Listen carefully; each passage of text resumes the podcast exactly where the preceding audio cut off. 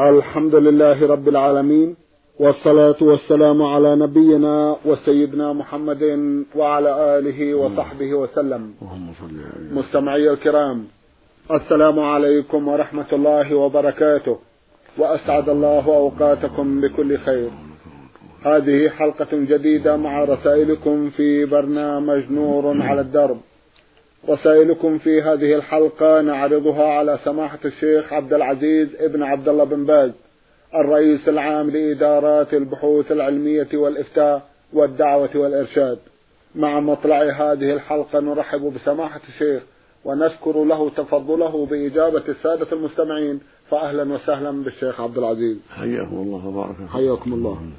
أولى رسائل هذه الحلقة رسالة وصلت إلى البرنامج من جمهورية مصر العربية وباعثها أحد الإخوة المستمعين من هناك رمز إلى اسمه بالحروف ألف عين ألف عين. أخونا له جمع من الأسئلة في أحدها يقول تزوجت فتاة ولم أدفع لها أي مهر على شكل على شكل نقود أو ذهب وذلك برضا الطرفين على الرغم من أنني قادر حيث قمت بتأسيس منزل الزوجية فهل أنقصتها حقا من حقوقها؟ وإن كنت كذلك فهل أستطيع الآن أن أرد لها بعض الشيء أم إلى أهلها؟ جزاكم الله خيرا. بسم الله الرحمن الرحيم. الحمد لله صلى الله وسلم على رسول الله وعلى آله وأصحابه من اهتدى بهداه. أما بعد فالواجب أن تعطى شيئا من المال الزوجة ولو قليلا إذا رضيت بذلك سواء كان نقدا أو متاعا كالملابس أو حليا من الذهب والفضة وهذا كافي. فإن كنت لم تعطيها شيئا بالكلية فإنك تعطيها مهر المثل المهر الذي يعطاه أمثالها. إلا أن تسمح عنك فإذا سمحت فلا حرج عليه والحمد لله. الله جل وعلا. قال أن تبتغوا بأموالكم. الزوج يسلم بعض المال ويتفق مع الزوجة على بعض المال أو مع وليها أو يعطيهم ما يتيسر وإذا رضوا بذلك كفى فإذا كنت أعطيتها شيئا من المال الذي هو غير النقود من حلي أو ملابس أو أثث المنزل لها هذا المال لها عطا لها هذا الأثاث يكون لها ملكا لها يكون مهرا لها ولا حرج في ذلك والحمد لله. أما إذا كنت ما أعطيتها شيء بالكلية فإن سمحت عنك وأصدرت عنك المهر فلا حرج. وإن طلبت شيئا فأعطيها ما يرضيها. والحمد لله. نعم. جزاكم الله خيرا. يقول قمت بإحضار بعض الناس لكي يعملوا في إحدى دول الخليج وأخذت منهم بعض النقود برضاهم فهل يحق لي ذلك؟ وإن كان غير ذلك فماذا أفعل. يقول قمت بإحضار بعض الناس لكي يعملوا في إحدى دول الخليج وأخذت منهم بعض النقود برضاهم فهل يحق لي ذلك؟ وإن كان غير ذلك فماذا أفعل؟ إذا كنت اتفقت معهم على مال معلوم من بلادهم حتى تشفع له حتى توصلهم إلى الخليج وتقوم بما يجب من قيمة التذاكر وغير ذلك هذا شيء لا حرج فيه. لأنك أديت عنهم مالا حتى توصلهم إلى إحدى دول الخليج بسبب خدمتك لهم وسعيك لهم في إيصالهم إلى دول الخليج حتى يعملوا هناك. أما إن كانت الأموال التي أخذتها من أجل الشفاعة لهم في أن يعملوا عند فلان أو عند فلان والنفقة على حسابهم لكن أعطوا المال لأجل الشفاعة عند فلان أو فلان حتى يستخدمهم فلا ينبغي لك أن تأخذ المال. في الحديث من شفع لأخيه شفاعة فأهدى له هدية فقد أتى بابا عظيما من أبواب الربا. فلا تأخذ عن شفاعتك مالا. أما إذا كنت خدمتهم في شيء أعطوك المال عن خدمة. أخذت لهم الجوازات تعبت لهم في الإقامة. عملت أعمالا كفيتهم إياها وأعطوك المال في خدمة لخدمتك فقط. فلا فلا نعلم حرجا في ذلك في مقابل الخدمة التي خدمتهم إياها. نعم. جزاكم الله خيرا. يقول ماذا أفعل مع بعض أفراد البيت الذين لا يصلون؟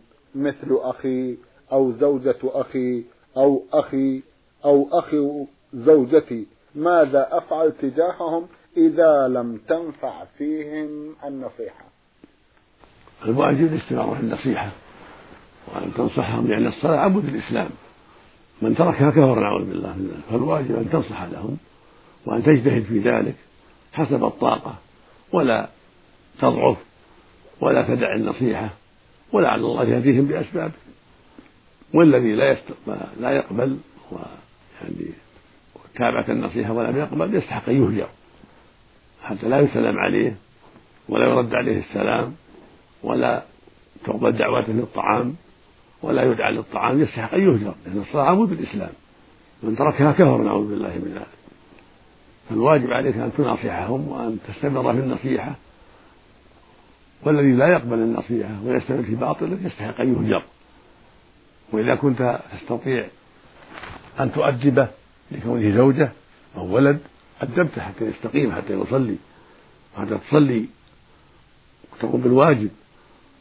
وأما زوجة أخيك أو زوجة أبيك أو نحوهما من ممن لا تستطيع تأديبه فهذا على أخيك وعلى أبيك أن يقوم بالواجب. على أخيك أن يؤدب زوجته حتى تستقيم وحتى تصلي وعلى أبيك كذلك.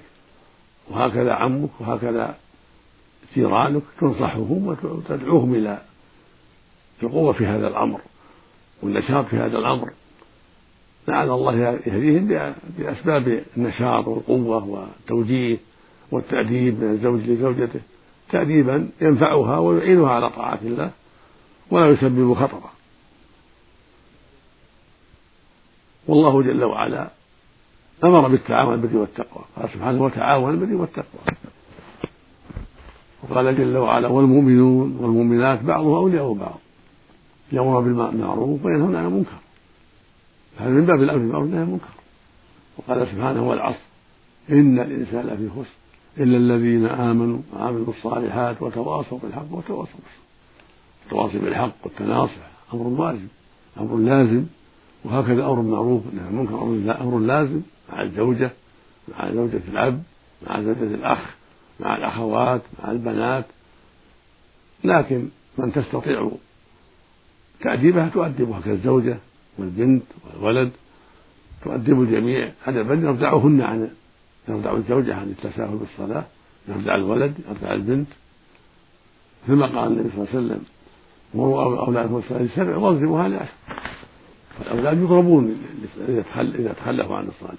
وهم أبناء هم أبناء عشر يضربون على ذلك سواء كانوا ذكورا أو إناثا. لأن هذا مما يعينهم على طاعة الله ومما يسبب لهم المبادرة إلى الحق. فعلى وليهم أن يأمرهم بذلك ويضرب من بلغ عشرا على ذلك. ضربا غير مبرح ضربا يعين على طاعة الله. ضربا يشجعهم على الخير ولا يكون في خطر. وهكذا له أن يضرب المرأة يؤدبها إذا تساهلت إذا خاف نشوزها أو فكيف إذا تركت الصلاة؟ ترك الصلاة أعظم فإذا لم يجد فيها النصح وتوجيه ودعوة إلى الخير فله أن يضربها ويؤدبها ضربا غير مجرح حتى تصلي حتى تقوم بهذا الواجب العظيم. فإن أصرت ولم تستقم وجب فراقها لأن من ترك الصلاة كفر. كفر أكبر نعوذ بالله من ذلك. فالتي لا تصلي تكون كافرة نعوذ بالله. يجب فراقها بكلية.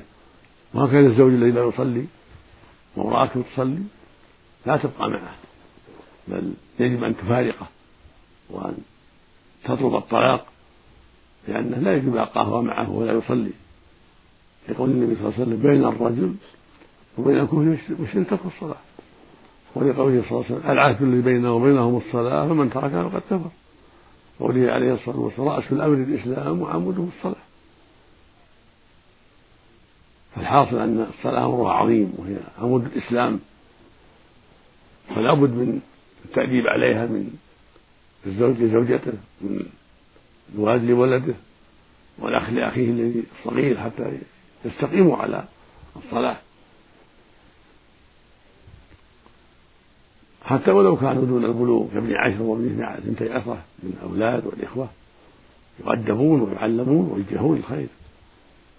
والزوجة يجب أن تؤدب على هذا الأمر العظيم حتى تستقيم حتى تحافظ على الصلاة.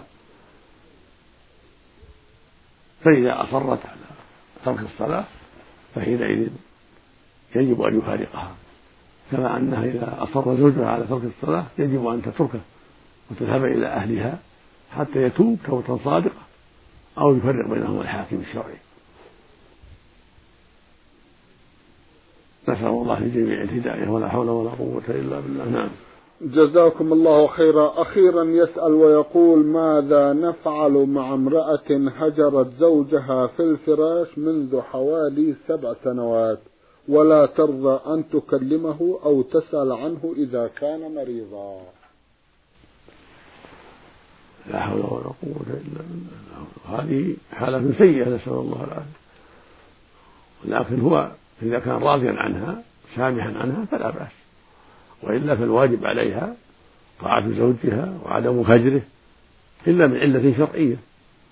فإذا كانت هجرته لأن ترك الصلاة هجرته لأنها أمر يجب كفرة وردة عن الإسلام بسبب الدين والاستهزاء بالدين أو هجرته لأنه ما قام بنفقتها ولا يعطيها حقها. هذه لها حق في ذلك. أما إذا كان هجرته بدون أسباب فهذا لا يجوز لها. بل يجب عليها أن تؤدي حقه وأن تسمع وتطيع له من فراشه وغيره. وله أن يطالبها بذلك وله يرفع الله إلى الحاكم الشرعي أو إلى أبيها أو إخوتها حتى يقوم عليها بما يجب. إن لم يصلح معها على شيء من المال والعفو أما إذا عرضها بشيء من المال واستقامت الأحوال فالحمد لله الحاصل أن هذا يختلف. فإن كانت هجرته لكفره وضلاله أو سبه الدين أو تركه الصلاة أو كونه لم لم يعطيها حقها ولم ينفق عليها فهي معذورة. أما إذا كانت هجرته لغير عذر شرعي فهذا يعالج الموضوع إما بالمال وإرضائها بالمال وإما بواسطة أبيها وإخوتها أو بواسطة المحكمة أو يطلقها أو يعطيها الله ورث منها. هذه أمور تعالج. إذا كان الهجر بغير حق تعالج إما بالطلاق وإما بغير الطلاق ما يستطيع. وتأثم هي إذا كان هجرها بغير حق عليها أن عليها أن تتقي الله وعليها أن ترجع إلى طاعة زوجها بالمعروف وأن تؤدي حقه. إذا كان قد أدى حقها وليس هناك موجب لهجر هذا. نسأل الله لها الهداية نعم. جزاكم الله خيرا. هذه رسالة من إحدى الأخوات المستمعات. يبدو أنها من ليبيا. نسيت أن تذكر اسمها. لها جمع من الأسئلة من بينها. سؤال يقول حدث مرة أن رأيت أختي أثناء الوضوء تغسل الوجه مرة واحدة وليس ثلاث مرات.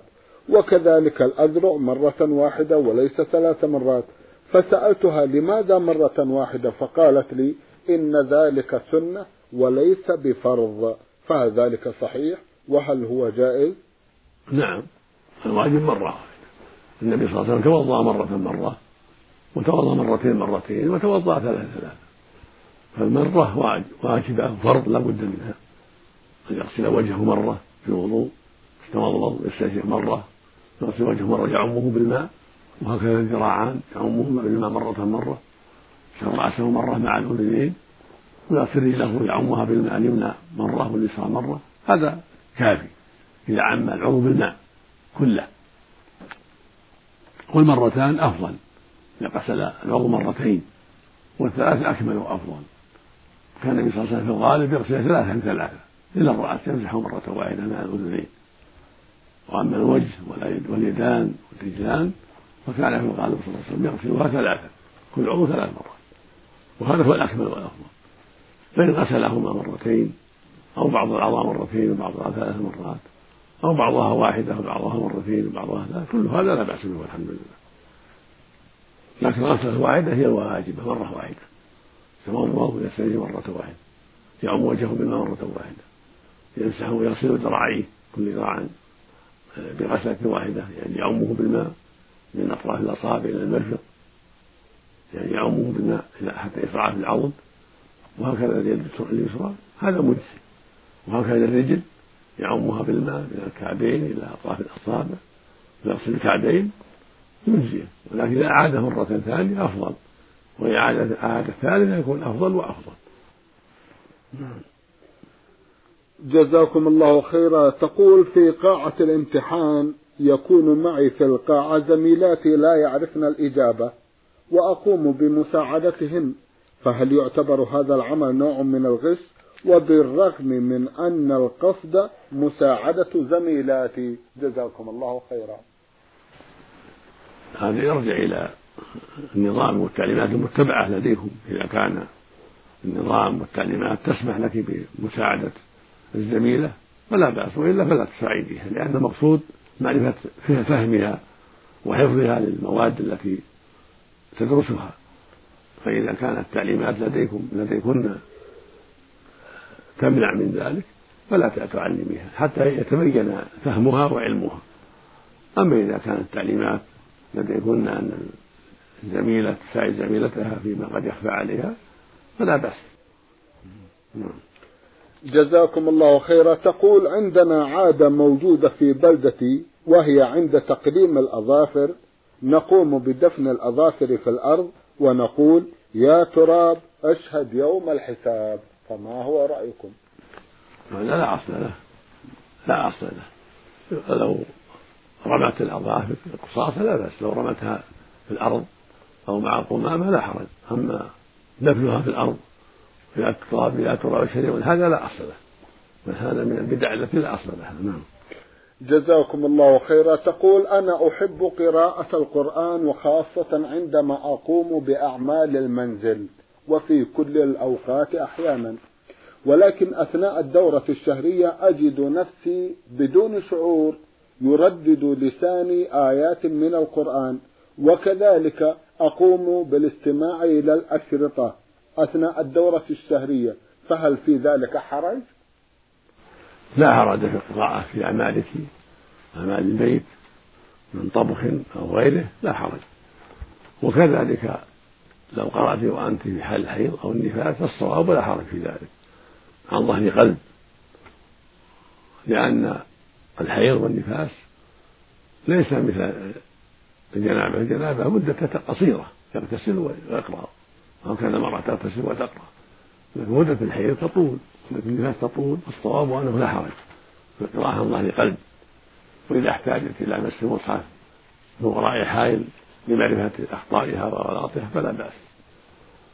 أما سماع الأشرطة فلا حرج فيه بكلية. عند جميع أهل العلم. حتى لا حرج في سماع الأشرطة أو سماع من يقرأ في إذاعة القرآن أو في المجلس يقرأ والحائل تستمع والنفساء تستمع والجنوب يستمع هذا لا حرج فيه. حتى الجنوب يستمع. لأن ممنوع أن يقرأ هو أما كون الجنوب يستمع لا حرج في ذلك. والحائض تستمع لا حرج في ذلك. والنفساء كذلك. الأمر واسع في هذا والحمد لله. نعم. جزاكم الله خيرا. المستمع محمد نصر الدين مصطفى من السودان بعث يقول خطبت ابنة عمي قبل خمس سنوات. ونظرا لظروف الحياة لم أستطع حتى الآن تكملة أغراض الزواج. فهل في ذلك حرج؟ علما بأن المخطوبة موافقة على هذا الانتظار. جزاكم الله خيرا. لا حرج في ما دامت المخطوبة موافقة فلا حرج في ذلك. الحمد لله. نسأل الله يسهل أمركما جميعا. يا الله. نعم. جزاكم الله خيرا. يقول كان لي أخت توفيت قبل أربع سنوات. لكنني كثيرا ما أراها في المنام وكنت أحبها في حياتها حبا كبيرا. هل هناك توجيه؟ جزاكم الله خيرا. يقول لي أخت توفيت قبل أربع سنوات وأنا أراها دائما في المنام. هل توجهونني بشيء؟ علما بأني كنت أحبها حبا كبيرا. نعم نوصيك بالدعاء لها بالرحمة والمغفرة والدرجات العالية. والصدقة عنها جزاك الله خير كل هذا طيب.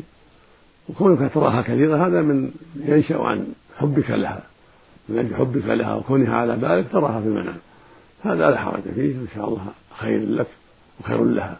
تدعو لها تستغفر لها تصدق عنها كل هذا طيب. بارك الله فيك. نعم. جزاكم الله خيرا. رسالة وصلت إلى البرنامج من أحد الإخوة المستمعين يسأل ويقول إذا طلبت الوالدة مني بعض الطلبات العادية ورفضت أن أجيبها في ذلك فهل أكون عاقا؟ نعم إذا طلبت الطلبات العادية التي تحتاجها طلبت منك أن تحضر حاجة المنزل من طعام أو إدام أو غير ذلك ترك ذلك وعدم طاعتها في هذا من العقوق أو طلبت منك أن تذهب إلى كذا لأجل تبلغه رسالة منها إلى أخيها إلى أبيها إلى زوجها في الدكان وأعطيتها يكون هذا أيضا من العقوق. فالسمع والطاعة للوالدة في المعروف وللوالد كذلك من من البر والعصيان لهما من العقوق. ولو في الأمور العادية. كذلك لو طلبت منك أن تأتي بحاجة من البيت أو تحضر الغداء الموجود تقدمه في المحل الفلاني أو العشاء أو تذهب للضيف بكذا أو تعطي الضيف مطلوبا من كذا كل هذا واجب عليك أن تقوم به. طاعة للوالد والوالدة وليس لك أن تعصيهما في هذا. أما إذا أمراك بشيء منكر فلا. إذا أمراك تدخن أو أمراك تأتي له دخان أو خمر هذا لا يجوز لك. لا ليس لك أن تطيعهما في المعصية. إنما الطاعة في المعروف. أما إذا أمرك بشيء مباح أو شيء مطلوب فالواجب أن تسمع وتطيع مع القدرة نعم. جزاكم الله خيرا. هل تحرم الزوجة على زوجها إذا غاب عنها ست سنوات في الخارج وليس له أولاد منها؟ لا, لا تحرم عليه. سواء غاب ست أو أكثر. لا تحرم عليه زوجته بغيبته. إلا إذا طلقها أو فسخت منه. إذا طلقها الطلاق الشرعي واعتدت أو فسخها الحاكم الشرعي لطول الغيبة وعدم قيامه بحقها هذا تحرم عليه بالفسخ الشرعي أو بالطلاق الشرعي. أما مجرد الغيبة فالغيبة لا تحرمها عليه سواء ست سنوات أو أقل أو أكثر. نعم. جزاكم الله خيرا. سمحت شيخ هل لكم من كلمة حول هذه الغيبة الطويلة ست سنوات؟ الواجب على الزوج أن يتقي الله في زوجته وأن يحرص على عدم طول الغيبة حتى ولو كان في أمور مهمة نعم. يحرص على طول عدم طول الغيبة سواء كان في طلب العلم أو في تجارة أو في غير ذلك. الواجب عليه أن يحرص على حفظ زوجته ورعايتها حتى لا تقع فيما حرم الله وحتى لا يخل بما أوجب الله عليه. يحرص على المجيء إليها بعد وقت قصير كثلاثة أشهر شهرين أربعة خمسة ستة يراعي الأمور التي تحول بينها وبين الشر وتحول بينه أيضا هو وبين الشر لأنه على خطر أيضا حتى هو. إذا غاب على خطر من وقوع الفاحشة وهي على خطر أيضا. فالواجب على كل منهما الحرص على أسباب العفة وعلى أداء الحق الذي عليه للآخر وطول غيبة من أسباب إضاعة الحقوق. فالواجب على الزوج أن يحرص على عدم طول الغيبة وعلى الزوجة أن تحرص على مساعدته على هذا الشيء بالكلام الطيب والأسلوب الحسن والمطالبة بعدم طول الغيبة أو سفرها معه إذا أمكن سفرها معه إلى محل ما في خطر.